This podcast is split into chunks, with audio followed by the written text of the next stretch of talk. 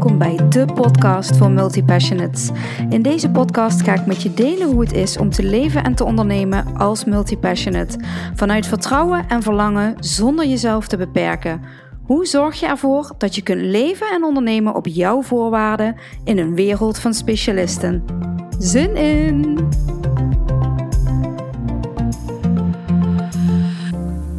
Hey, hallo en fijn dat je luistert. Het is een paar weken behoorlijk rustig geweest. Ik weet dat ik mezelf had voorgenomen om twee podcasts in de week op te nemen. Maar ehm, heel eerlijk, de afgelopen weken kreeg ik er niks uit. Ga ik zo meteen wat meer over vertellen. En ik ga je ook even meenemen in de laatste paar podcasts die ik heb opgenomen. Ik weet niet of je ze geluisterd hebt. Maar ik weet ook dat ik die vooral heb opgenomen vanuit mijn hoofd. Ik laat ze staan, of course. Um, maar misschien merk je wel het verschil. Misschien merk ik zelf wel het verschil tussen hoe ik praat en wat ik zeg. Als ik heel veel in mijn hoofd zit, of wat ik zeg en hoe ik praat wanneer ik echt in mijn lijf zit. Deze podcast is eigenlijk een soort van korte samenvatting van wat er de afgelopen weken allemaal heeft gespeeld. En ik denk dat er een heleboel onderwerpen voorbij zijn gekomen bij mij waar ik de komende weken genoeg inspiratie uit kan halen voor nieuwe afleveringen. Maar vandaag dus even een korte samenvatting van wat er speelde. Je moet weten dat ik als multipassionate heel vaak, maar echt heel vaak denk: ik moet alles anders gaan doen. Ik wil alles anders gaan doen. Ik ben iets nieuws tegengekomen waar ik iets mee wil doen. Ik heb een nieuw idee. Ik, uh, ik voel het oude niet meer. Ehm, ik weet zeker dat je dit herkent als je een multipassionate bent. En misschien ook wel als je niet een multipassionate bent. Dat je echt op het moment het gevoel hebt, is dit het?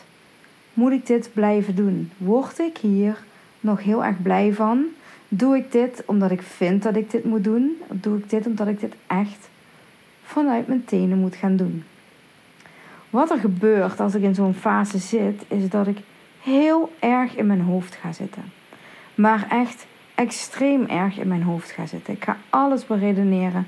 Ik ga alles opschrijven. Ik ga overal lijstjes van maken. Um, oh, ik moet trouwens heel even. Ik ben afgeleid, jongens. Maar ik zit hier. Ik pas op dit moment op een huis in Roermond. En op de hond en op het huis. En dit huis heeft een fantastische tuin. Ligt aan de Maas. En het uitzicht hier op de zonsondergang is vandaag echt ultra waanzinnig. Ik heb er geen woorden voor. Ik geloof dat ik mijn stories op Instagram al helemaal heb volgepland met foto's van deze zonsondergang.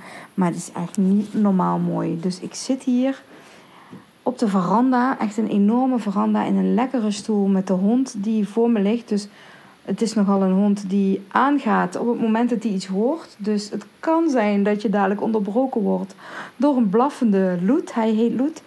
Um, maar hij ligt hier super chill uh, aan mijn voeten. En ik kijk dus naar de zonsondergang. En ik realiseer mij dat dit mijn allergrootste droom is. Een huis als dit, eh, zelfs dit huis, gewoon alles hier. Het uitzicht. Ik zie vanuit de tuin helaas niet de Maas. Die zie ik vanuit boven wel, maar niet vanuit de tuin. Maar wow, aan het water met een enorm uitzicht. Ik zie alleen maar natuur, bomen, weiland en dus een waanzinnige zonsondergang. Een huis met het uitzicht op de zonsondergang. Ja, beter wordt het niet. En dit is wel mooi dat ik dit nu misschien wel benoem. Want dit is mijn droom en dit is echt ja, het ultieme een plek hier met, kijk recht voor me uit. Uh, eh, 40 meter verderop is een vuurplek waar we van de week nog uh, kampvuurtjes hebben gemaakt en marshmallows hebben geroosterd. Er is een zwembad. Er is ruimte genoeg om volle maancirkels te houden. Om, ja, je kunt het zo gek niet bedenken. Deze plek heeft alles. En het is zo mooi dat ik hier nu deze week mag zitten. En dat ik deze week mag verbinden met die droom. Want ik heb echt het gevoel dat deze week alles bij elkaar komt. En ik ga dus weer even terug naar wat er een aantal weken, ik denk misschien al een aantal maanden geleden gebeurde, was dat ik dus verbinding met mijn ultieme droom kwijtraak. Dat is wat er gebeurt. En als ik die verbinding kwijtraak, en dat heb ik pas uh, achteraf heb ik dat pas door. Hè? Dat, dat is niet iets wat ik in het moment opsla en wat ik in het moment registreer. Absoluut niet. Dus um, dit is echt iets wat ik nu, waar ik achteraf op terug kan kijken, waarvan ik denk, ja, dat is het. Ik raak de verbinding met mezelf en met mijn droom kwijt. En op dat moment gaat mijn hoofd zich ermee bemoeien. Mijn hoofd wil alles verklaren, wil het begrijpen, wil boeken lezen, wil, wil, um, wil misschien wel berichten lezen van uh, hele spirituele mensen die zeggen wat de effecten zijn van de maan op dat moment. Wil het begrijpen, wil woorden kunnen geven aan wat er gebeurt. En dan ga ik dus lijstjes maken, dan ga ik prestatiegericht werken. Dan haal ik de mannelijke energie in mezelf weer helemaal naar boven en ga ik volledig op wilskracht dingen doen. Ik weet zeker dat je dit hoort in de podcast die ik hiervoor heb opgenomen. De, een aantal sowieso. Ehm, en wat er dan gebeurt, is dan stroomt niks. Maar echt helemaal niks. Ik ga super eerlijk met je zijn. De afgelopen twee maanden kwam er financieel gezien amper iets binnen bij mij. En met amper iets bedoel ik. Phew, ja, de, nou ja, de ene maand misschien 150 euro en de andere maand 500 euro, maar er komt amper iets binnen. En wat er dan gebeurt, en ook dit zie ik achteraf, niet in het moment, maar wat er dan gebeurt is dat mijn aloude, diep gewortelde basisangst van me niet veilig voelen, die komt dan naar boven. En me niet veilig voelen, dat uitzicht dan in de angst om in een doos onder een brug te belanden. En ik weet zeker, nou, daar, dat is dus Loet die je hoort op de achtergrond. Ik weet zeker dat, jongen, je leidt me af. nou weet ik dus niet waar ik gebleven was. Ik had hem even op stop gezet, want Loet stond echt in mijn oren te blaffen. Je moet weten, hier op dit terrein zitten vossen en dassen. Dus hij is getriggerd bij elk dier wat hij hoort. Bij elk geluid wat hij hoort. En ja, goed. Het is een, uh, een waakhond, dus hij uh, slaat aan. Maar, anyway. Mijn diep gewortelde angst om in een kartonnen doos onder een brug te moeten wonen. En nou hoor ik je misschien wel zeggen, Bianc, die angst is niet realistisch. Ik zeg dit zelfs zelf wel eens tegen mijn klanten. Dit is niet realistisch. De kans dat dit daadwerkelijk gaat gebeuren is nihil. Alleen op dit gebied heb ik zelf al eens een keer meegemaakt dat ik op straat kwam te staan met 30.000 euro schuld zonder ook maar een euro op mijn bankrekening en alleen de kleren die ik aan had. En daar moest ik het mee doen. Dus die angst is voor mij vet realistisch. Super realistisch. Die angst en het verhaal, oh de kans dat dat gebeurt is heel klein, gaat voor mij niet op. Ik heb het ervaren en dus weet mijn systeem hoe realistisch die angst is en gaat mijn systeem dus op volle toeren in de paniekmodus. Dat is wat er gebeurt. En in de paniekmodus gebeurt er bij mij helemaal niks. Of ja, laat ik het zo zeggen, het is fight, het is freeze of het is flight. Dus ik, of ik bevries dat doe ik eigenlijk nooit. Of ik ga vechten en dat doe ik dus door heel erg vanuit mijn hoofd aan de slag te gaan, heel erg op wilskracht te gaan werken. Of ik ga vluchten. En vluchten doe ik dan in een heleboel dingen. In boeken lezen, in Netflixen, in eten, in zinloos scrollen op social media, in afleiding zoeken. Continue afleiding. Dat is wat er gebeurt. Als die grote angst en die paniek toeslaat, dan is dit wat er gebeurt.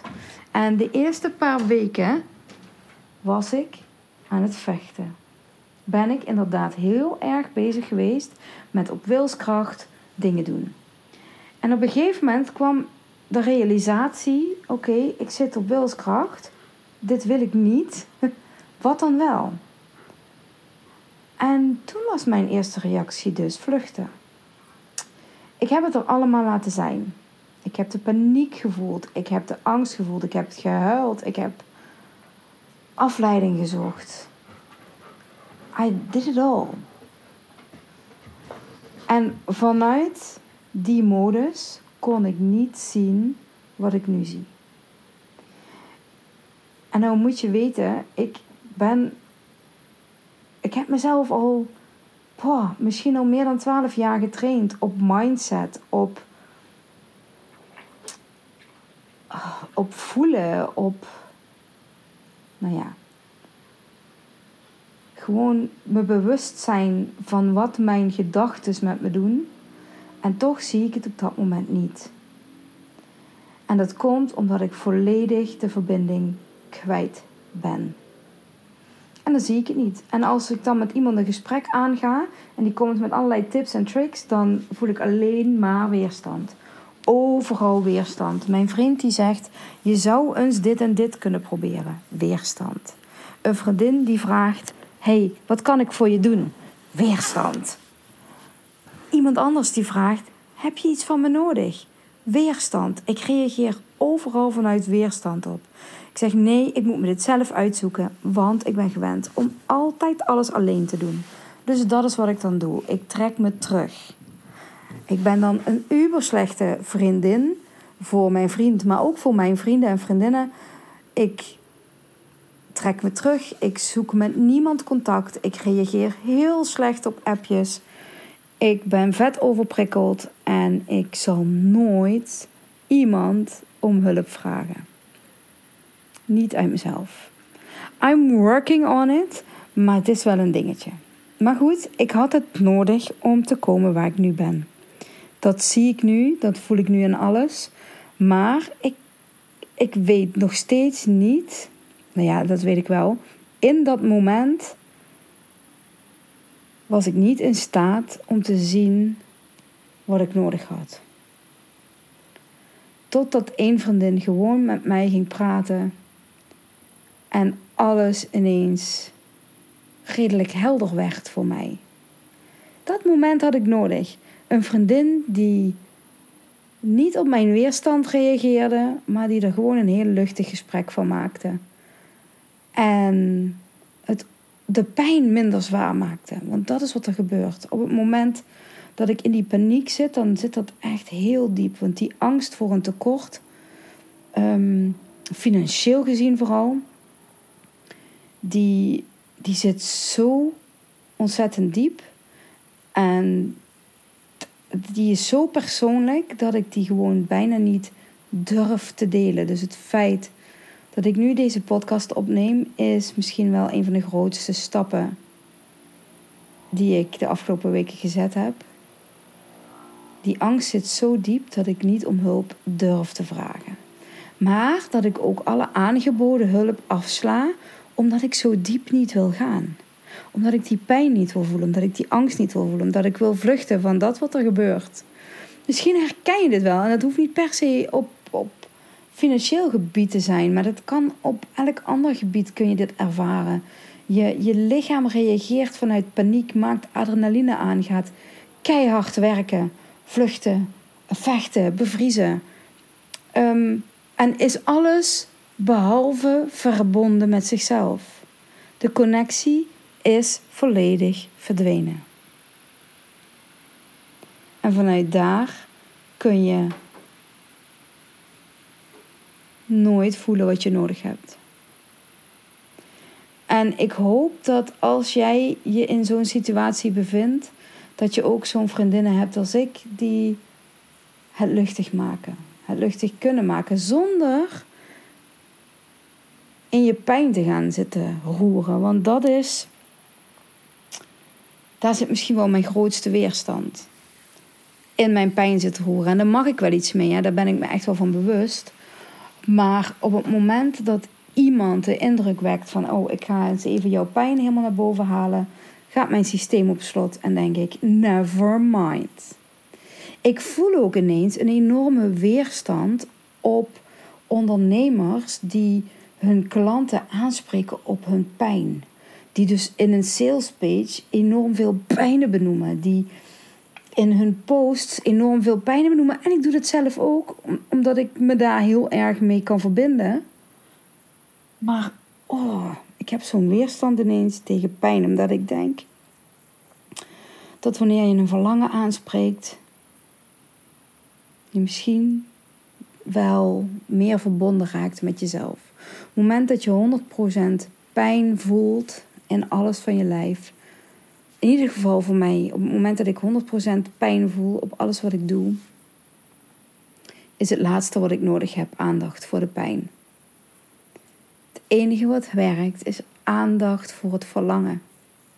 En dat heeft voor mij geholpen. En het heeft tijd nodig gehad. En het heeft heel veel vertrouwen nodig gehad, wat ik niet heel vaak heb. Als ik me zo voel. Maar het heeft vertrouwen nodig. In je lijf zitten, verbinden met je verlangen. Dat is wat er nodig is. En dat is wat er kwam op een of andere manier. En ik kan het moment niet benoemen. Maar ik kan wel nu voelen dat het er is. Ik heb een yogales gehad waarin ik alleen maar jankend buiten op de gang heb gezeten. Omdat mijn lijf overal weerstand voelde. Mijn hoofd totaal in weerstand zat. Op alle gebieden. En dit is misschien wel interessant om te benoemen. Yogalessen zijn fantastisch. En de mensen die daar zijn, de vrouwen die daar zijn, die zijn minstens zo fantastisch. En er gebeurde iets uh, op die dag dat ik dus enorme weerstand voelde bij alles. Mijn lijf deed niet mee, mijn hoofd deed niet mee. Um, ik kon alleen maar huilend op de gang zitten. En wat er gebeurde is dat de vrouwen één voor één naar me toe kwamen en vroegen hoe het met me ging en of ze iets voor me konden doen. En dat vind ik echt, daar voel je je zo enorm gedragen. Um, maar ik vind het ook heel lastig, want ik ben namelijk degene die meestal iedereen wil dragen. En niet gedragen wil worden. Dus dat triggerde nog meer weerstand in mij. En het grappige is, wat er gebeurt op het moment dat je pijn ervaart, dat je omgeving, en dit is iets wat ik zelf ook doe, en dat is absoluut geen oordeel, maar dat was wel een ontdekking, er alles aan wil doen om je pijn te verzachten. En die vond ik heel interessant, want ineens kreeg ik het gevoel alsof mijn pijn er niet mocht zijn. Oké, okay, je hebt pijn. Wat kunnen we doen om het lichter voor je te maken? En ik dacht, maar waarom moet het nou lichter? Is het, is het dan niet goed dat ik nu pijn heb? Is er iets mis met mijn pijn? Moet mijn pijn weg omdat het niet goed is? En die vond ik zo fascinerend. Want wat als we pijn ook gewoon mogen voelen? Wat als het voelen van pijn dat vuurtje naar je verlangen aanwakkert? En het enige wat wij proberen is alles steeds maar te verzachten. En ik zei toen tegen de dames: Ik vind het super lief dat jullie mijn pijn willen verzachten. En ik voel aan alles dat ik op dit moment mag zijn met mijn pijn. En dat ik oké mag zijn met mijn pijn. En dat ik het niet hoeft te verzachten. En dat jullie het niet hoeven te verzachten. En het mooie is, wij doen tijdens de lessen ook altijd iets van ademwerk. En mijn eerste kennismaking met ademwerk was in 2015, 2016. Bij mijn eerste ayahuasca-ceremonie hebben wij een uur uh, holotropisch ademwerk gedaan. En ik had daarvoor een boek gelezen en in dat boek stond: Het kan zijn dat je bij ademwerk of in een ayahuasca-ceremonie of wherever je je heel ongemakkelijk voelt. Ons systeem is erop gericht dat als je je heel ongemakkelijk voelt, dat we daartegen gaan vechten. Dat we ons best gaan doen om ons makkelijk te voelen. Maar er is één les super belangrijk. Op het moment dat jij jouw ongemakkelijkheid, jouw pijn, jouw frustratie kunt accepteren als ware het iets wat tot het einde der dagen zal duren, pas dan ga je echte verlichting ervaren. Verlichting van je pijn. En ik weet nog dat ik tijdens die eerste ademsessie dat mijn hele lijf in de kramp ging. Mijn vingers verkrampten. En iedereen die wel eens ademwerk doet, die herkent dit vast. Je vingers verkrampen, je lijf, je voelt alles. Je, je gaat alle pijntjes voelen in je lijf. Maar mijn vingers, die, waren, die stonden helemaal stijf. En die konden niet meer bewegen. En mijn eerste reactie was knijpen in mijn handen. Mijn vingers weer even losmaken door ze te bewegen, door het lichter te maken. En op dat moment realiseerde ik me ineens dat stuk uit dat boek. En toen dacht ik, als ik nu kan accepteren dat dit tot in het einde der dagen gaat duren, pas dan wordt het echt lichter. En warempel, drie ademteugen verder, was het weg. En dat is wat ik ook voelde bij de yoga, dat ik dacht, ik hoef het niet te verlichten. Ik hoef het alleen maar te accepteren als iets wat tot het einde der dagen gaat duren. Alleen maar, zeg ik tussen haakjes want het is niet super simpel. En dan wordt het lichter. En ik denk dat dat het begin is geweest van de weg omhoog. En ehm, dat dat me heel erg geholpen heeft. Dat mijn pijn er mocht zijn. Dat ik op dat moment zo geconfronteerd werd met mijn pijn. En met de drang van mezelf en van omgeving en van de mens op zich. Om pijn uit de weg te gaan. Om het zachter te maken, om het lichter te maken. Wat natuurlijk heel fijn kan zijn. Dat die drang even weg mocht. Dat ik niet hoefde te presteren om mijn pijn beter te maken. Maar dat ik het gewoon mocht voelen voor wat het was en mocht accepteren als iets wat tot het einde der dagen zou duren. En dat was het moment waarop alles lichter werd. Niet letterlijk, hè? niet ook meteen in dat moment. Het is niet dat toen alle lampen aangingen en alle engeltjes begonnen te zingen en dat alles fantastisch was. Nee, zeker niet. Daar volgde een compleet proces van wat wel, wat niet, wat voel ik, wat wil ik doen, waar wil ik heen. Als mens, wat is mijn verlangen als mens, ehm, maar wat is ook mijn verlangen als ondernemer. En daar is een heleboel uitgekomen. Een heleboel dingen die ik niet meer wil, maar ook een heleboel dingen die ik wel heel graag wil. En waar ik wel heel graag iets mee wil doen. En daar ga ik je ehm, de komende tijd in meenemen ik voel niet dat ik dit nu al in deze podcast moet delen, maar dat ik dit nog heel even voor mezelf nog wat duidelijker op een rijtje mag zetten. Ik neem deze podcast op op uh, woensdag 10 augustus 2022.